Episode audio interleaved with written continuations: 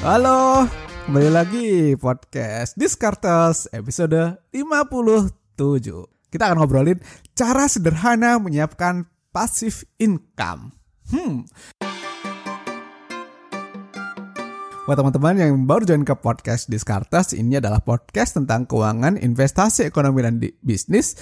Di season kedua, gue akan challenge dan kulik ide-ide yang berhubungan dengan buku, orang-orang, maupun dengan berita di sekeliling kita semua. Jelas ditambahkan dengan ide dari gue sendiri.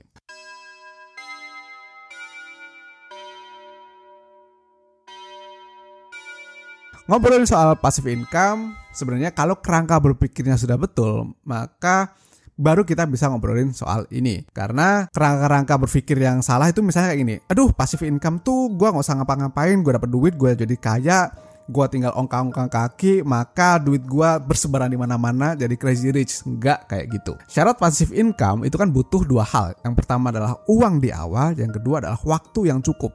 Ya, kalau dua hal ini nggak terpenuhi, ya yes, nggak dapat juga.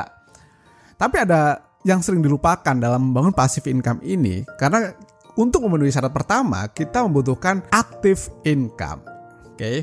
Jadi uang di awal ini dibutuhkan dari active income kecuali lu anak sultan tapi itu nggak kita bahas di sini ya skenario passive income yang mau gue bahas di sini bukan tentang nge-build sebuah bisnis yang terotomatisasi well memang bisnis yang bagus itu yang sudah terotomatisasi tapi gue batasin dalam kondisi di mana alien-alien di sini adalah pekerja yang waktunya super terbatas, terus ada duit sedikit mau diapain? Bisa nggak sih memperoleh passive income? Kan banyak toh yang dalam kondisi seperti ini. Makanya bisa diapain nggak? Atau bisa dioptimasi nggak? Kalau kita nggak melakukan otomatisasi bisnis, maka kita akan melakukan otomatisasi investasi dan proteksi. Otomatisasi proteksi jelas kan sudah ada nih iuran asuransi yang ada tiap tahunnya. Dana darurat juga tinggal diisi lagi ketika sudah kepake doang gitu kan. Itu otomatisasi proteksi itu gampang. Nah sekarang gimana kalau otomatisasi investasi? Nah ini lumayan tricky, kita bahas berapa ya. Yang pertama adalah kita bisa menggunakan reksadana indeks.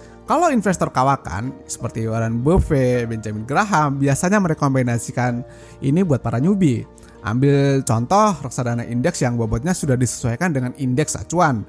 Banyak contohnya itu macam-macam reksadana indeks. Kalau di Indonesia ada BNI AM Index IDX 30, kemudian dana reksa indeks syariah, ada Average Index LQ45 dan macam-macam lainnya. Ini nggak ada sponsor di podcast ya. Jadi ini gua cuman kasih lihat contohnya. Kalian bisa lihat sendiri di masing-masing aplikasi kalian, tinggal di searching aja mana yang index fund. Dan masih banyak lagi contoh lainnya, termasuk pasif mutual fund ya. Kenapa pasif? Karena ya itu tadi, langsung ngekor indeks acuannya. Jadi kemungkinan dari segi cost juga akan rendah ya.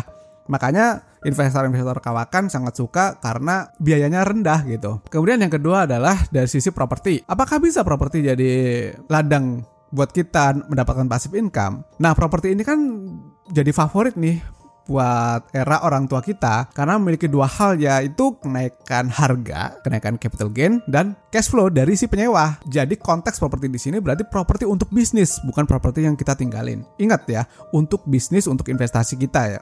Tetapi dengan modal awal yang besar ini agak tricky. Kenapa? Karena banyak pengusaha yang menggunakan properti lebih dari bisnisnya, yaitu sebagai agunan usaha misalnya. You beli properti, properti itu dimiliki terus digunakan sebagai modal agunan, menurunkan uang dari bank. Kondisi seperti ini jelas akan meningkatkan risiko. Ya pasti, terutama jika kondisi pandemi datang lagi bisa kena dua sisi, kena di bisnis atau kena di properti. Contohnya ya karena nggak ada yang nyewa gitu itu risiko di properti.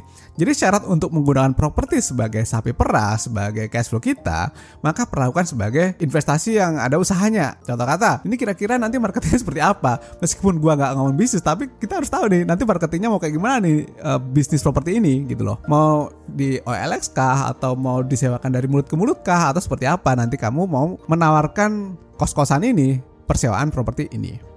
Kemudian yang ketiga dari sisi passive income adalah DCA dollar cost averaging in high risk instrument.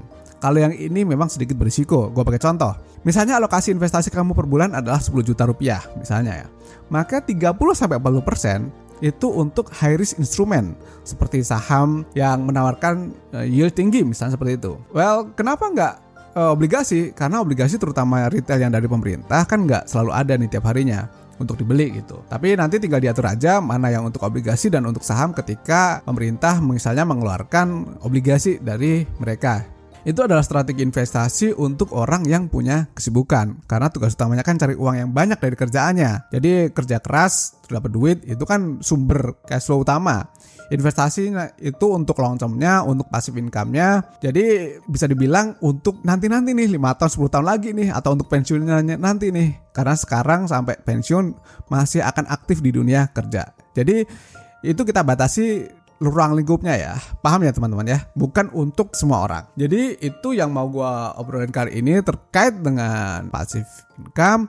Mudah-mudahan teman-teman di sini bisa memilih passive income mana yang cocok. Kenapa? Karena gue mau bilang bahwa tidak semua orang itu cocok menggunakan passive income dari saham yang memberikan dividen tinggi. Tidak semua orang juga cocok mencari passive income dari properti. Karena ada orang yang lebih ngerti soal saham tapi nggak paham properti, ada orang yang lebih paham properti tapi nggak paham saham.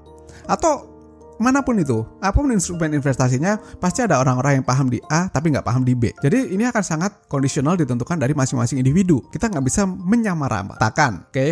Dan yang kita harus tahu dalam menyusun passive income ini adalah jangan sampai tergiur dengan investasi-investasi bodong karena mereka itu akan sangat menggembar-geborkan passive income. Misalnya apa? Misalnya, eh hey, kalian joinlah ke investasi ini, kalian akan mendapatkan 20% per bulan selama bertahun-tahun lamanya. Duit nggak akan hilang. Well, itu sama sekali tidak masuk akal karena dalam sebuah investasi seperti yang gue ceritain tadi, itu sangat mungkin kita mengalami kerugian. Properti, kalau misalnya harganya turun, itu pasti udah bisa. Atau saham, seandainya tidak menghasilkan dividen itu juga bisa gitu loh.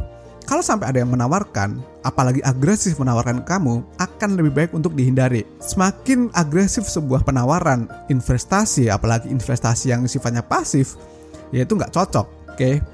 gue akan lebih prefer mencari investasi sendiri dibandingkan investasi itu datang ke gue. Karena ketika gue mencari sendiri, itu akan lebih objektif kita mencarinya dibandingkan dengan orang-orang yang mendatangi kita menawarkan sebuah produk investasi. Jadi hati-hati di sini, jangan sampai pasif income yang kamu cari justru membuat kamu nggak bisa lepas dari permasalahan financial. Oke, sampai jumpa lagi di podcast Discuss episode selanjutnya. Thank you and bye-bye.